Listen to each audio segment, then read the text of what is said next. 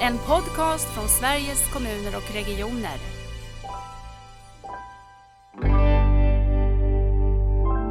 För, just det här att, att som patient ändå ha bättre koll på vad, vad står jag i nu? Vart ska jag någonstans? Eh, vad, vad, vad är möjligt? Vad, kanske ibland också veta vad är inte möjligt? För, för ibland går man ju hoppas på någonting som inte går liksom.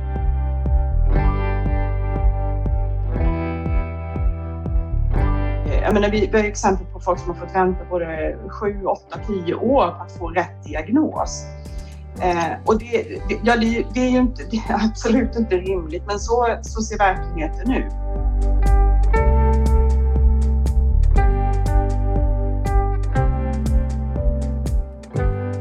Välkomna till Nära vårdpodden. Idag får vi möta Lotta Håkansson som är ordförande för Reumatikerförbundet. God morgon Lotta!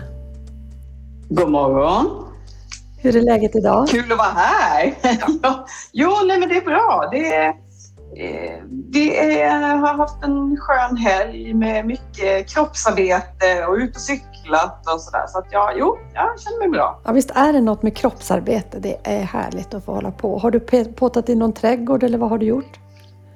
Mm, jag har varit ute och jordbrukat lite. Lyckats eh, komma på det här hur man ska dra upp humle. Mm-hmm. Vet du hur långa rötter de har? Ingen aning. Hur långa som helst. Och hur gör man... Det tar inte slut. Men hur gör man det då på ett bra sätt utan att de går av? Ja, men de ska gå av. Jag ska rensa bort. Ja, jag förstår det, men jag menar att man måste få upp stora delar av roten, tänkte jag.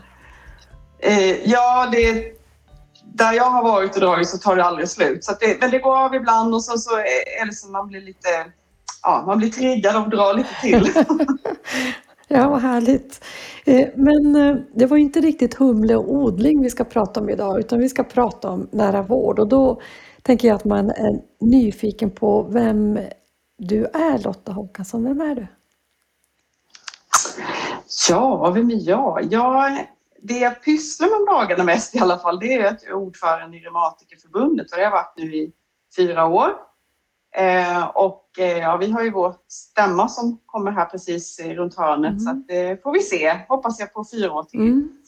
Ehm, men det, det, är inte, det är inte riktigt svaret på vem jag är. Jag är en eh, kvinna i mina bästa år, det kan man väl alltid säga. Eh, fyller 57 i sommar. Ja, det låter som en bra ålder. Runt där en bra ålder. Ja, visst är ja. det. och eh, har hunnit med en hel del i livet. Jag har ägnat väldigt mycket Eh, tid i mitt liv till politiken. Jag har eh, varit eh, kommunalråd i Järfälla har jag i tio år. Mm. Och politiskt aktiv där i väldigt många år, kanske 25 ungefär. Så att jag har varit föreningsaktiv ända sedan jag var barn och hållit på med olika föreningar och organisationer av olika slag. Och som sagt politiken då, på lite olika sätt, men mest eh, på det lokala planet. Mm. Så, även haft en del uppdrag i det som då hette SKL. Mm, vad gjorde du där då? Jo, då var jag ordförande i internationella beredningen under åtta år. Ehm, så det var parallellt med min kommunalrådstid kan jag säga. Och sen eh, samtidigt som jag hade det uppdraget så satt jag också i EUs regionkommitté så att det var mycket resor till Bryssel och eh, mycket internationell, internationell touch på den lokala politiken, så kan man väl säga. Mm. Ja, mm. Annars då, var påtar man i trädgården? Var finns du i landet? Ja, jag bor ju på Kungsholmen och här, ja, här börjar det bli en del trädgårdar påtar ju också, mycket sådana här odlingar. Men det är inte där, utan jag, min sambo har eh, ett eh, ställe i Uttran i Botkyrka kommun. Mm som eh, vi har hållit på att fixa och dona lite med. Så där håller jag på och gräver och letar. Ja, man behöver inte leta efter maskrosorna, de finns ju där. Eh, men försöker bekämpa dem till viss del, men det är helt omöjligt.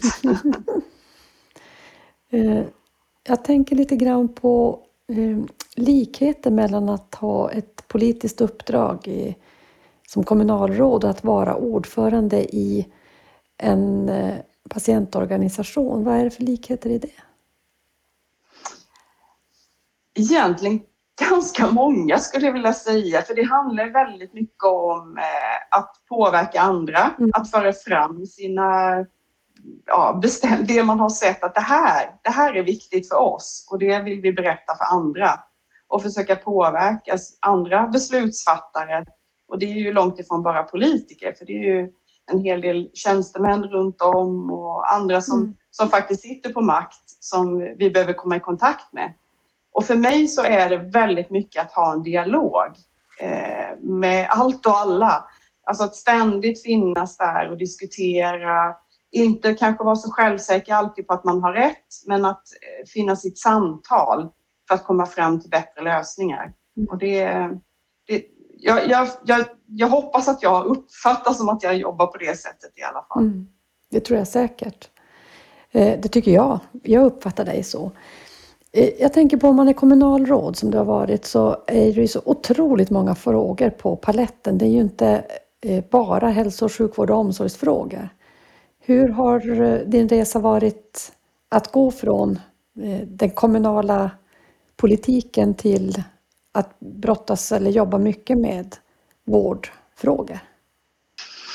Ja, jag ska väl ärligt säga att under mina kommunala år så var det väldigt mycket barnfrågor. För jag mm. började med skolfrågor. Jag var ordförande i barn och ungdomsnämnden under flera år och, satt och jobbade väldigt mycket med de frågorna. Dessutom var parallellt så var jag, jobbade jag för Unga Örnars riksförbund. Så det var, för mig var det väldigt mycket med barns rätt som det handlade om då. Och sen som, som kommunalråd, det är klart, det är precis som du säger, det är ju alla frågor, mm. verkligen. Mm.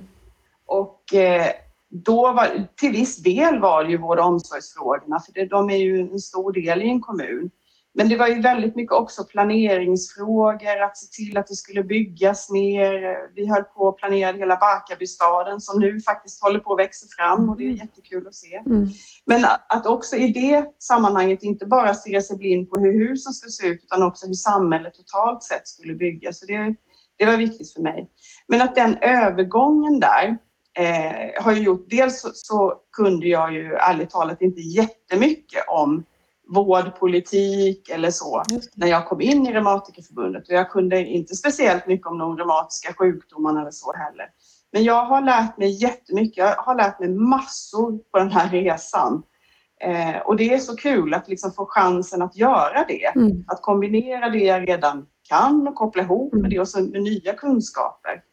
Eh, så att eh, ja, jag känner mig bra riggad för att köra vidare en ordförandeperiod fyra år till nu kan jag säga. Mm. Jag har lärt mig så himla mycket på vägen hit. Mm.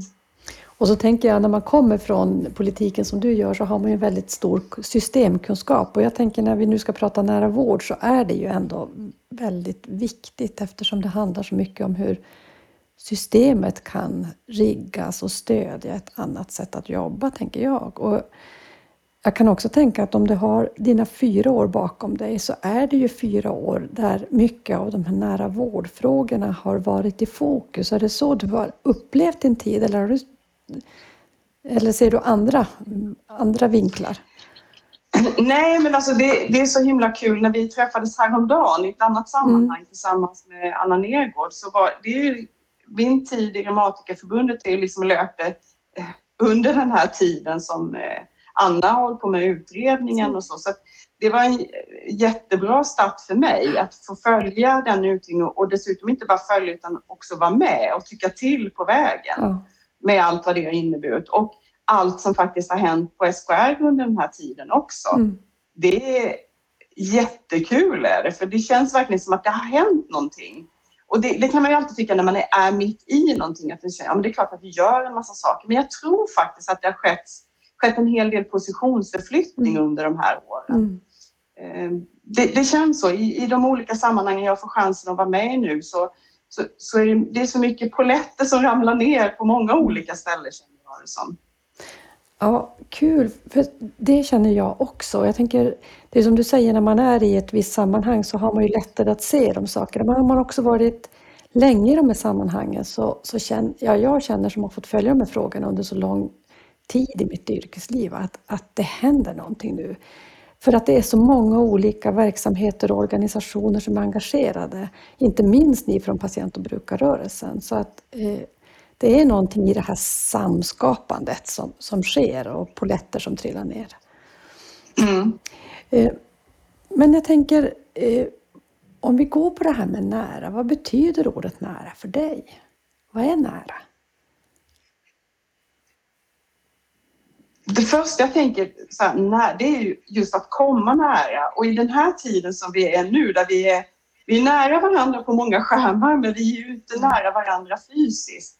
Så då har det fått en, en ny dimension på något vis för mig i alla fall. För att nu, nu vill man ju komma närmare varandra just utifrån att vi inte har fått göra det eller ja, av respekt för att vi inte blir sjuka allihop så har vi ju hållit avstånd och det, då, då blir det liksom på ett annat sätt än vad man har tänkt tidigare. Ehm, så nära, jag, jag, jag tänker just det här eh, nära, det ska vara lättillgängligt, det ska vara lätt att komma till. Mm. Det är nära för mig. Mm. Intressant, intressant tanke där att vi har fått så mycket mer av distans samtidigt som vi bygger upp det nära. Ja, det är lite mm. märkligt faktiskt, men intressant. Och ändå, ändå så just det här, de här distansmötena och alla de gånger vi, vi möts i eh, vår padda eller dator eller telefon eller hur vi nu möts så har vi ju ändå knutit ihop Sverige på ett annat sätt. Men jag har haft fler möten med folk från olika håll och kanter mm.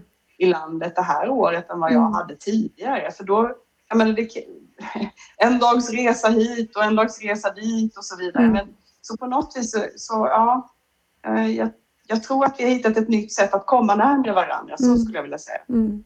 Ja, på tal om att det är att komma till och tillgänglighet och att kunna mötas så har ju där har ju verkligen det här gränslösa bidragit mycket, det måste vi ju säga. Eh, det går lätt, det går snabbt, vi kan vara många från många olika perspektiv och ställen. Eh, så att det får vi verkligen värna om, tänker jag. Framåt. Ja, men om man då tar ett steg till och funderar på det här med nära vård. Vad, vad tänker du är, är nära vård? Vad är kärnan i det för dig och för din organisation?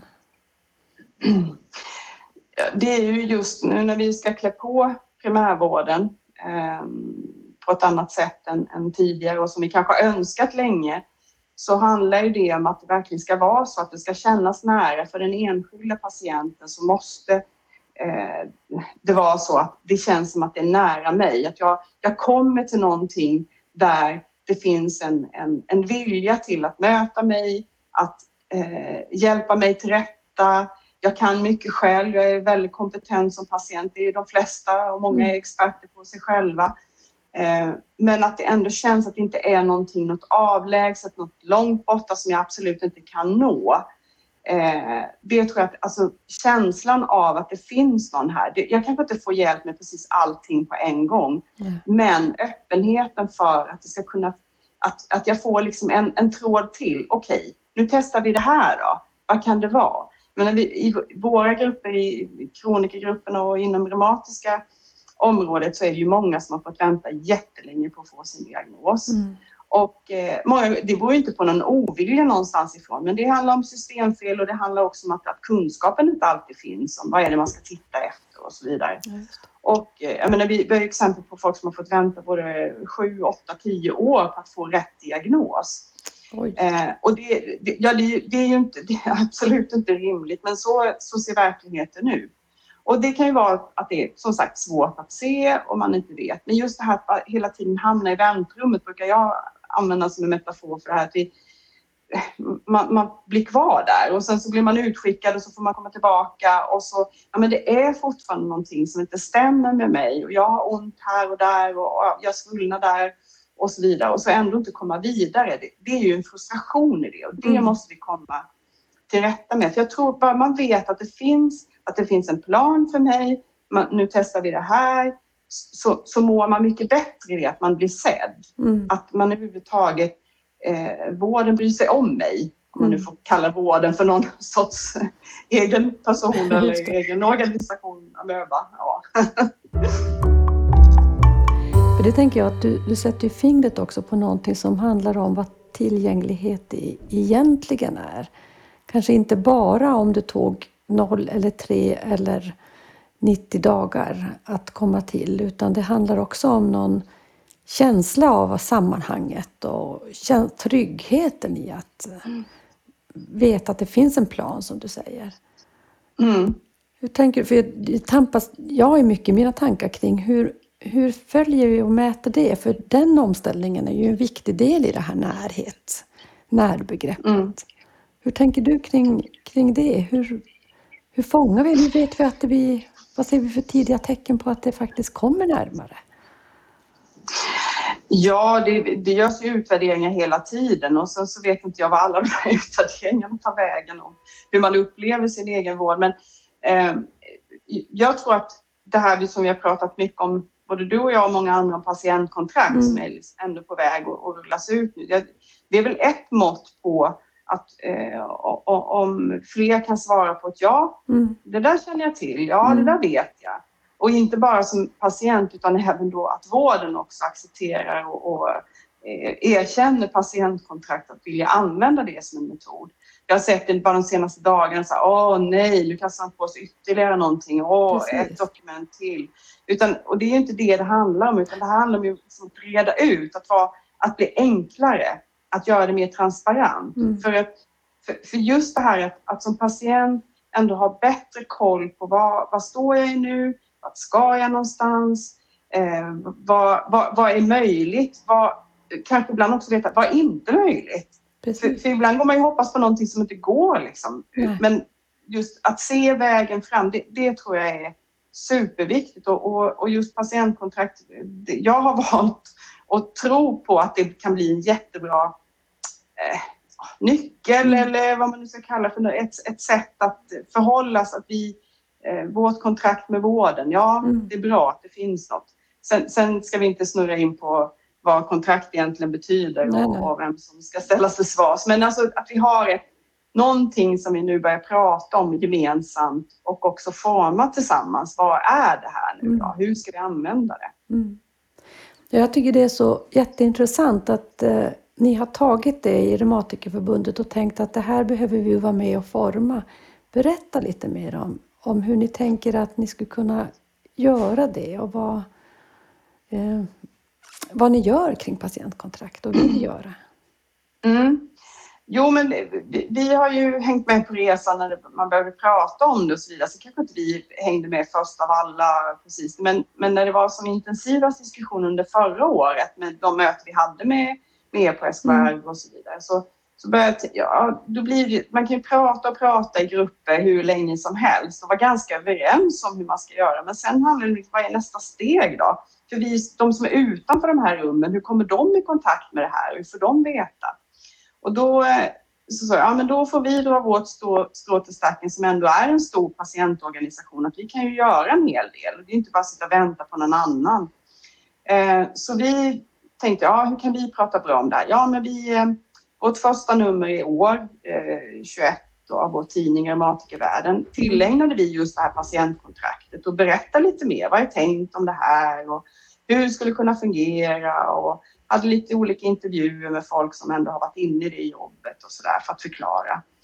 Eh, sen hade vi något som vi kallar för medlemsparty där vi bjöd in eh, våra medlemmar till att prata om lite olika frågor. Då tillägnade vi en, en sån träff till just patientkontrakt. Kanske inte jättemycket party, men vi försökte prata om det på ett hyfsat lättsamt sätt och så. Ja, lite... Mm, nej men det, och det är klart att bara genom, genom tidningen når vi självklart alla våra medlemmar och förhoppningsvis har de läst om det där. Medlemsparter kanske vi inte nådde jättemånga, men några till som hörde det här begreppet en gång till. Och sen har vi också uppe nu på vår stämma som vi har då sist, här sista helgen i maj så eh, kommer vi också ta ett uttalande som handlar om just det här med patientkontraktet. Mm. Så vi, vi försöker att prata om det i vår organisation och att just att det är någonting du kan börja fråga efter, prata Precis. om det, förstå vad det är. Så det, det handlar om att sprida det här, eh, både inom patientorganisationerna men självklart så hoppas jag att fler inom vården också börjar ta till sig det här, förstå det och se det som en möjlighet och inte bara som något ytterligare pålaga. Nej.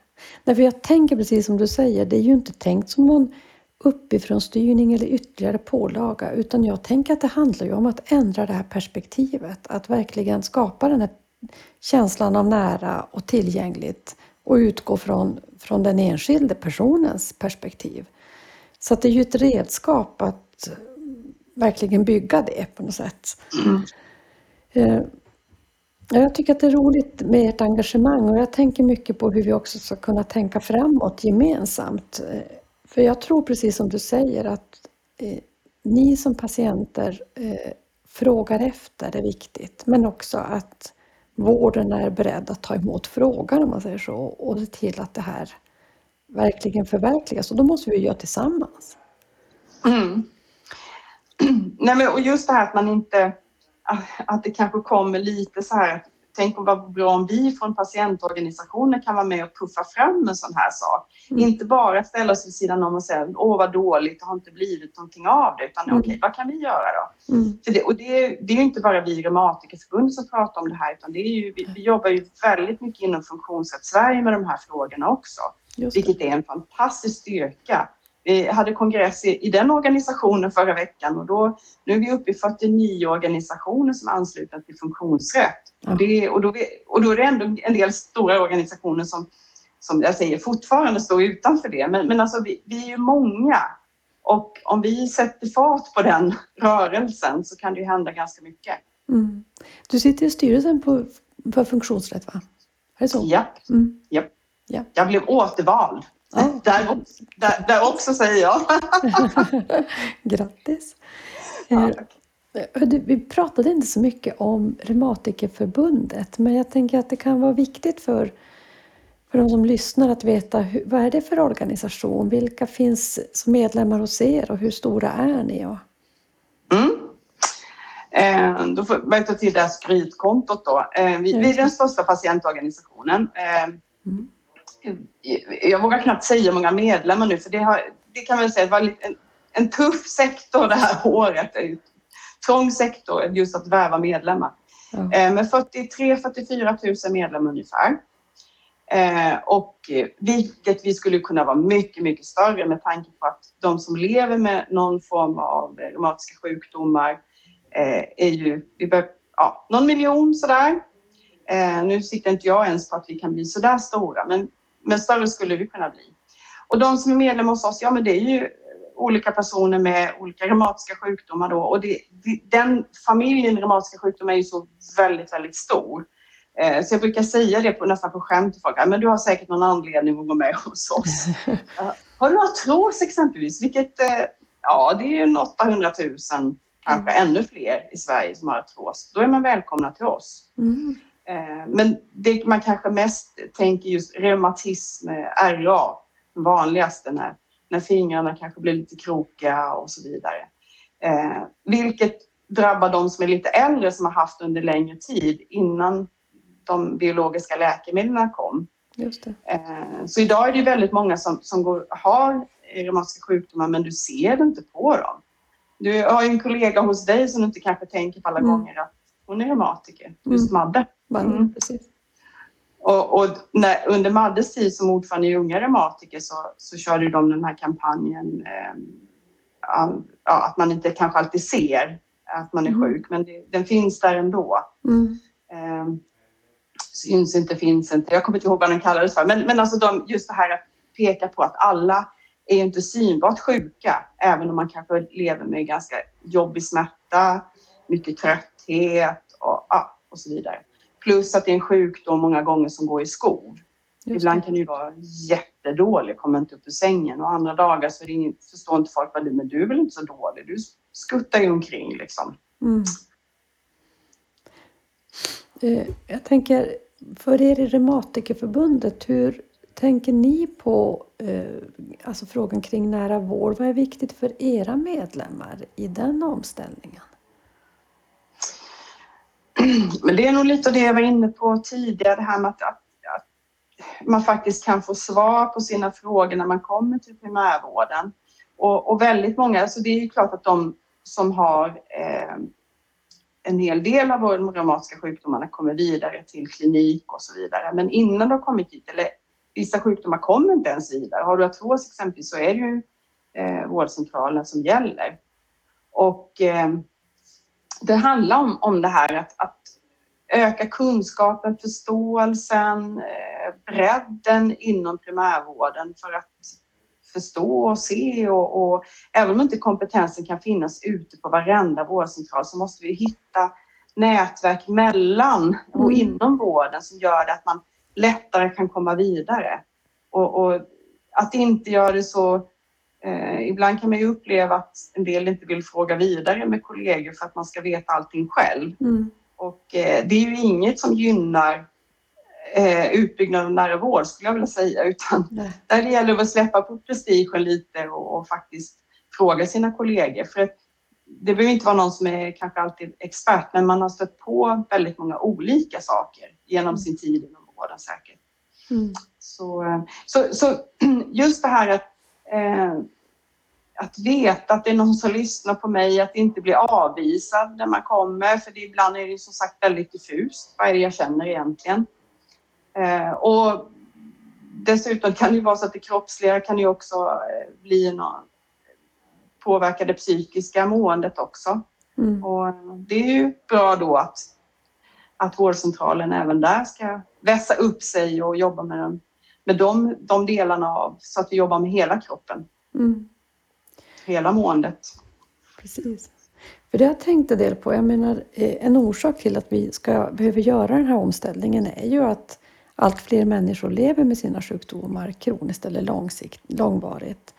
Och det är klart att då vill man ju kunna vara mycket mer självständig och aktiv och, och ha ett inflytande över både hur vården stödjer mig och hur mina kontakter ser ut och så. Men jag har också tänkt då på att många av de som har en kronisk sjukdom har ju en kontakt med specialistvården. Har ni funderat någonting vidare hur det här hänger ihop, nära vården som den här samverkansarenan mellan eh, primärvården, vårdcentralen, det kan ju också vara det särskilda boendet när man är äldre och specialistkliniken och hur vi ska kunna utveckla det. Har ni hunnit prata om sådana saker eller? Nej, alltså det är nog någonting som har funnits med eh, under lång tid där, där många hos oss har sett de här bristerna. Att mm. man inte pratar med varandra, kommunikationen inte finns mellan de olika delarna av vården, att det är så himla uppdelat. Mm. Alltså den, den Anna Nergård eh, kända bilden som hon har använt i hela utredningen, här, de här olika satelliter och det mm. saker som är bundna till hus och så vidare. Det, det, det är ju liksom en frustration för väldigt många. Varför kan de inte prata med varandra? Varför måste jag som patient springa där emellan och vara mm. budbärare åt mig själv? Det är ju det som, alltså att det inte finns den här hopkopplingen. Den måste vi komma åt på något vis. Mm. Så det har vi ju pratat om länge och inte bara nu. Nu kan man väl där å andra sidan se att nu kanske det börjar hända någonting. För nu, nu, nu, nu tvingas vi liksom ihop på ett annat sätt. Och då tror jag faktiskt att den här eh, mer eller mindre påtvingade digitaliseringen det här senaste året har kanske hjälpt till och knuffat fram det. Mm. Eh, jag, jag, tänker på hela det här med kunskapsstyrningen eh, överhuvudtaget när man börjat jobba ihop i de här sjukvårdsregionerna och hittat varandra på ett annat sätt än tidigare. Om än att det är kanske lilla eliten som, som samarbetar än så länge, men att när det ändå ska sippra ner så ja, mm, mm. jag hoppas på att man hittar varandra för det, det, det, är någonting som jag har slagit så många gånger som inte har funnits i den här världen hela tiden. Det är hur det är fortfarande väldigt hierarkiskt eh, och eh, då bo, bo, inom man tittar på hela vården och sen så inom de olika klinikerna så är det fortfarande så. Och där måste ju brytas upp på något vis. Och, ja, kanske att nära vård kan hjälpa till med det. Mm. Att det går inte att hålla fast vid de här pyramiderna hur länge som helst. Nej, verkligen inte. Och vi är ju inte betjänta av dem. Det, är ju inte det, att, det skapar ju inte värde i sig. Det skapar ju bara så mycket arbete. Och slöseri mm. av resurser, skulle jag vilja säga också. Mm. Mm.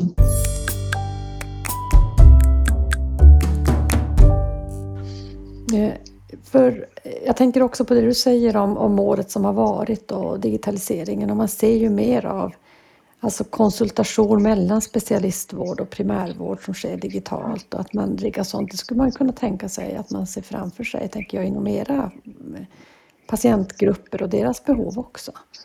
Absolut. Mm. Och, det, och det, det, vet jag att det har funnits alltså tidigare, långt innan digitaliseringen. Men sen handlar det om vilka ersättningssystem det finns för det också. Och där mm. ser det olika ut i regionerna. Eh, jag har stått på det flera gånger att ja, vi gjorde det förut men nu får, är det ingen som är beredd att betala för det. Mm. Och det måste man, alltså, sådana saker måste man ju komma till rätta med för det är ju, det är ju samma skattepengar mm. som ska användas till oss allihop som är där och betalar den där skatten och då kan man inte hålla på och låsa in det och, och eh, i system som gör att man inte pratar med varandra. Det är ju helt galet. Nej, vi måste ju verkligen jobba med styrningsfrågorna parallellt med mm. det här för att få mm. till det. Jag tänker att nära vård, om, själva omställningen, den handlar ju så mycket om att verkligen jobba tillsammans från olika delar av samhället. Och då är det civilsamhället med verksamheterna och, och jag ser också, tycker jag, en ökad förståelse från eh, kommuner och regioner och de som finns där och en, en längtan efter att jobba mer tillsammans med patienter och invånare. Men jag tänker också att det finns en en liten rädsla för hur man gör, en osäkerhet där. Många frågar efter hur ska vi kunna börja med det? Och jag vet att ni har ju både inom funktionsrätt och eh, inom Reumatikerförbundet också funderat en del på de här frågorna. Hur skulle du vilja säga att vi kan hitta ett bra, eller bra, vi har ett, men ett ännu bättre och ännu tajtare samarbete ute i kommuner och regioner med eh, patienter och invånare? Mm. Ja, alltså där är det ju träning som gäller. Träningsläge mm. för allihop, både för vården mm. men också för patienterna. Mm. För det finns ju en ovana att få eh, från patienthåll att få frågor, vad tycker du? Och att få det i ett, ett, läge där det faktiskt betyder någonting. Inte bara, eh, jag menar, jag tror att väldigt många har suttit i en olika form av brukarråd och så vidare, men det kanske inte har känts som att det är där man förändrar världen direkt. Utan det var mer så här, check på den, nu har vi pratat med några så kan vi säga i alla fall att vi har lyssnat. Men det handlar ju så mycket mer än om att bara lyssna, för det handlar ju faktiskt om att göra och att bygga tillsammans. Mm. Och, och, ska man klara av att göra det, då, då kräver det ju också att vi från patienthåll klär på oss så att vi både vågar och vill och kan vara med där ute och hjälpa till. Eh, mm. att, att inte bara, nej fråga inte mig, jag vet inte. Utan, och sen, eller, eller bara få de här tvärsäkra svaren från enskilda patienter som bara pratar för sig själv och som, där det skulle funka bäst för mig. Utan mm. väldigt mycket det här att, att våra företrädare blir tuffare och duktigare på att närma sig vården också. Att, att finnas där, räcka upp handen och, och säga ja när man blir inbjuden. Och också kanske kräva att få bli inbjuden i olika mm. sammanhang. Men som sagt, inte bara för att liksom, checka av någonting utan faktiskt för att vara med och bygga i team från allra första början. Mm. Eh, men det krävs träning från båda håll där. Så. Mm. Intressant det med klä på. Hur skulle man kunna klä på både era medlemmar och Eh, Eh, de som jobbar med beslutsfattande i kommuner och regioner. Hur skulle vi kunna tänka klä på det? Jo, det, det vi har, håller på med nu inom, eh, under funktionsrättshatt det är ju att vi eh, jobbar med en företrädarutbildning. Den är inte klar än och alla bara åh, när kommer det, kommer det? Det finns en jättestor efterfrågan. Men vi, vi håller på att titta på hur just det här för att många ska liksom kunna säga det. Ja, men jag företräder den här organisationen eller jag företräder ett större kollektiv. Eh, som, och vi, det här, de här frågorna är de viktiga. Vi verkligen titta på det här. För att det är så mycket antagande i vården och där behöver ju vården också tänka till. Men vänta nu, vad, vad behöver vi? Eh, hur mm. möter vi patienter på bästa sätt? Och ibland är det ju en enskild patient man ska möta för att reda ut en enskild fråga, mm. men också på systemnivå kan det ju vara fler man behöver prata med för att få in de rätta för de rätta svaren. För jag upplever det ibland i vissa så här, då sitter ett gäng i vården och funderar och tänker ut, så här blir bäst för patienterna. Och så man bara, hallå, har ni frågat patienterna? Bara, Oj, ja just det. Men vi vill vara klara först innan vi går ut till patienten. Och det, just det. Där, jag tror inte vi ska vara så rädda för att testa oss fram lite grann också. Det är, ur alla sådana möten så kommer det någonting bra. Okej, det här kanske inte var det bästa, men det blir, nu gör vi på ett annat sätt nästa gång. Mm. Då kan man tänka att när, när ska ni ha varit klar med den här utbildningen? Har du bestämt det eller? Jag bestämmer fram det här nu. Nej, men vi, vi, vi hoppas det. det. det. är mycket som ska komma på plats. Du vet. Oj, oj, det är rätt personer som ska göra det. Det kostar lite pengar och det är det ena med det andra. Men jag hoppas att vi under hösten kan liksom börja landsläppa någonting i alla fall av detta. Mm. För det, det finns en jättestor efterfrågan inom hela eh, funktionsrätt nu. Eh, får frågor hela tiden och inte bara jag då, utan andra som är inblandade i detta också. Och, och, nu vet jag också att det från SKRs håll. Hallå, hallå, när blir ni färdiga? ja, För det här är någonting vi kan göra mycket tillsammans, helt klart. Ja, jag tänker det att, att, när ni har funderat på något sätt på er struktur så behöver vi ju fundera hur parar vi ihop det här så att mm. vi får en, en, stor kraft gemensamt. För det är det vi vill från alla håll. Ja. Så det gäller ju att eh, och på det sättet är det viktigt att vi, och det har vi också löpande, har dialoger för då kan vi också lyssna in varandra. Var står vi någonstans och vad ska vi kunna göra ihop? Eh, för att också, eftersom den här längtan och viljan finns så måste man ju ta det fönstret som är öppet och se till att här finns också formerna och som du säger, det behöver inte vara så svårt men vi behöver kläs på lite mer för att mm. vi ska ta nästa steg. Även om vi har jobbat med samverkan över åren, som du säger, patient och brukarråd och annat, så tror jag att det finns möjlighet för ett nästa steg nu. Mm. Och, och, det har ju funnits ett lärande, för ett lärande finns ju hela tiden och inte minst alla de möten som du har varit med och bjudit in till dina kollegor från SKR, för det, det har varit så himla kul, för jag har ju träffat på människor där som jag förmodligen aldrig hade träffat på någon konferens annars. För nu är det så mycket lättare, man kan koppla upp sig var man än sitter och, och, och folk liksom, långt ut i organisationen kan komma till tals på ett annat sätt också. Så det är jättespännande. Ja, det är jättespännande. Man kan verkligen ha jag vet att det var någon, eh, jag tror det var Johan Kvist som forskar kring hur man utvecklar tjänster som sa det viktigaste är att vi får många olika perspektiv i samma rum samtidigt. Mm. Och det kan ju faktiskt den här digitala tekniken hjälpa oss med.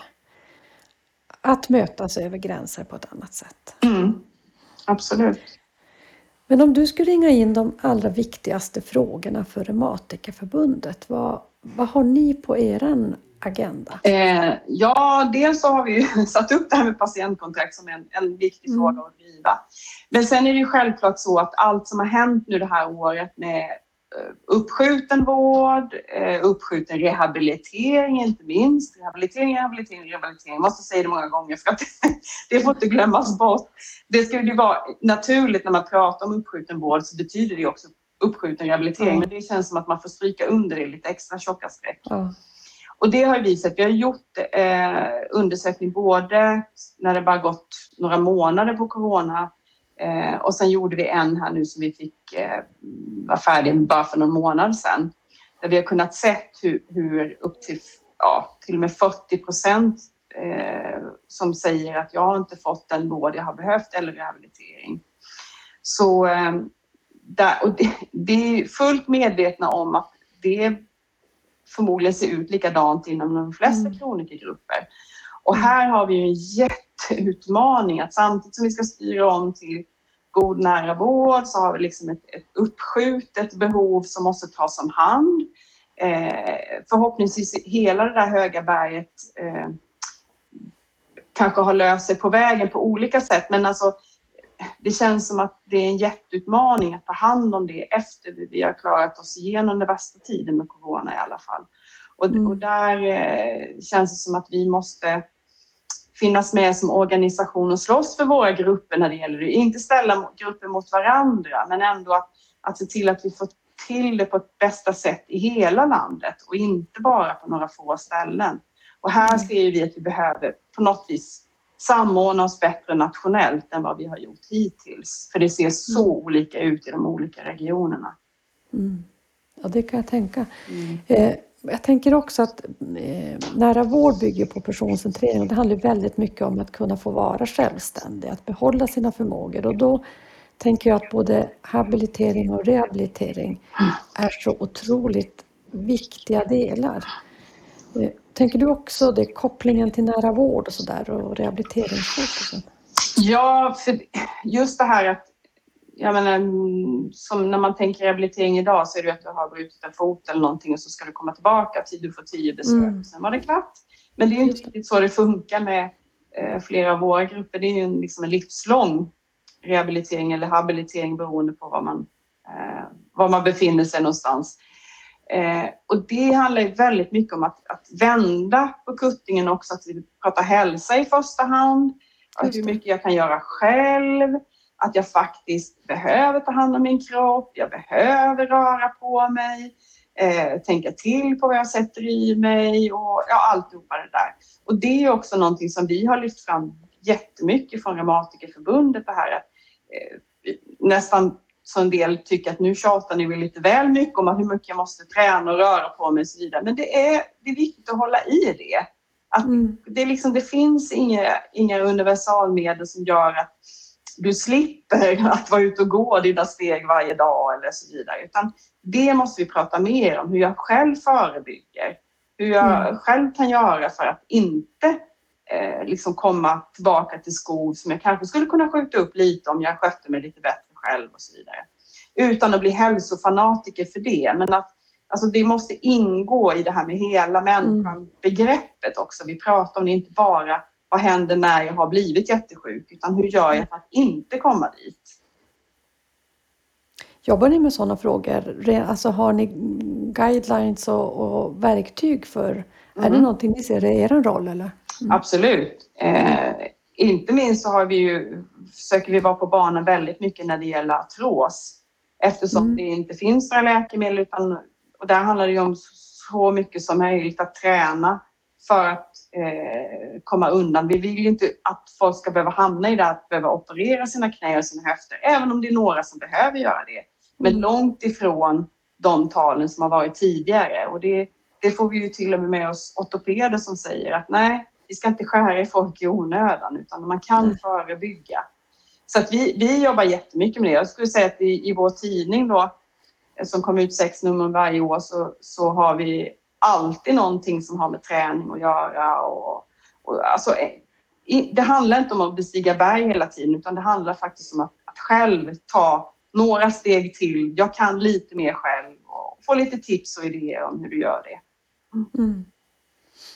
Ja, jag, jag, tänker mycket på när nära vård är så mycket att jobba tillsammans över olika gränser så tänker jag på er i civilsamhället och vilken viktig roll ni har för så så stora grupper. Just i det här perspektivet att eh, hur håller jag min hälsa? Eh, hur behåller jag min hälsa och hur skapar jag hälsa? Och, så det där är ju spännande saker att fundera på hur vi också får ihop det som en del i, på något sätt i systemet, det ni mm. också gör. Precis, och det handlar inte bara om det här med att röra på sig. För, och det som inte minst har blivit viktigt och synligt det här året när vi inte har kunnat träffas, hur mycket det betyder att kunna vara i ett sammanhang att föreningslivet överhuvudtaget, att, att kunna träffa andra och inte nödvändigtvis prata om sjukdomar. För är det, är det någonting man, jag man slipper prata om när man är i en sån här organisation. Det är väldigt få som pratar om hur, hur illa det är. Utan jag, jag som är nyfiken och vill veta, ja men hur är det för dig? Och så här, får ju nästan ha det ur folk. Det, det, det, vill man prata minst om. Men man vill vara i ett sammanhang där man vet att andra förstår hur det är om jag ja, inte mår så bra idag. Och det, ja. det är ju också superviktigt att vi har våra, vårt föreningsliv. Ja. Och jag kan bara... Alltså jag vill inte ens veta vad som skulle hända om vi inte kunde hålla igång Nej. vårt föreningsliv. För det betyder Nej. så mycket för så många. Men det för mig också in, jag brukar tänka mycket på föreningsliv, folkbildning och det här att skapa rörelse. För om man nu tänker att nära vård ska ju det handlar ju om att eh, ja, människor, det handlar om förhållningssätt, det handlar om kulturer, det handlar ganska lite om att rita om rutor. Då tänker jag, du som har en sån här bakgrund, hur tänker du kring det här? Vad kan vi lära av föreningslivet och folkrörelsen och folkbildningen kan man väl också säga? Ja, det, att man kanske inte behöver komplicera saker så himla mycket. Ja, men vi är ju världsmästare i det här landet på att är vi fem stycken som tycker något liknande om någonting, då bildar vi en förening. Eh, och det behöver inte vara så... Alltså det är klart, man ska sköta sig med stadgar och så vidare om man har en organisation. Men vi kan ju lite snabbare än vad man kan inom eh, myndighet och så vidare så kan vi ju styra om. Liksom, nej, nej men nu får vi väl göra någonting annat. Om det inte funkar så här, då får vi göra på ett annat sätt. Och det, mm. återigen, jag menar, det, det, har väl inte varit så där superlätt i, i, eh, i mitt förbund som består av ganska många som är rätt mycket äldre än vad jag är. Att tänka, mm. oj nu ska vi mötas digitalt. Det var rätt så stort mm. motstånd i början, men nu har man ju kommit på, ja men det kan vi göra. Jag ser massor med härliga exempel på Ja, nu har vi, eh, nu har vi fika. Vi loggar in då och då på fredag eftermiddag så träffas vi där. Så, så att man, det, det, är liksom man hittar på nya saker. Det, det tror jag är något man kan lära sig eh, från föreningslivet. Att, att, man får ställa om lite snabbt och, mm. och kanske ha lite kontakt över gränserna som inte brukar ha och så vidare. Så att, men framför allt att man möts. Eh, att föreningslivet möts, bjuds in till myndigheter, till kommuner, regioner. Ja. Mm. Eh, finnas i många sammanhang. Oj, är det klockan som slår tolv nu? Nu slår den tolv där. Hör du min klocka bakom? Eller slår den hos dig också? Nej, nej, nej, det var inte. Eh, men ja, innan vi ska avrunda så, så skulle jag ändå vilja eh, fråga dig lite grann. Ett centralt eh, begrepp och en central del i omställningen är ju det här med personcentrering och det är ju viktigt eh, att lyssna på er i patient och brukarrörelsen kring hur ni tänker på det. Hur beskriver du det och varför tycker du att det är viktigt? Om du tycker det är viktigt? Jo, men det tycker jag. För nu, är det, nu är det ju också ett begrepp som faktiskt har börjat landa in hos ganska mm. många. Eh, sen behöver alla och envar fundera på vad betyder det för mig då? För det är inte liksom att det finns eh, en direkt översättning som, jaha okej, det var det. Eh, nej men det handlar just om att se hela människan, att se personen, mm. att, man, att, man, att inte var, man är inte patient hela tiden, tack och lov, utan det är ju hur funkar det här för hela mig?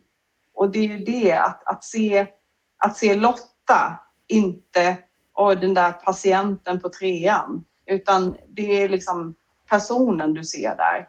Och, och, det tror jag vi alla behöver tänka, det kanske vi behöver som patienter eh, tänka på också när det gäller när vi träffar människor inom vården. Det är ju också personer.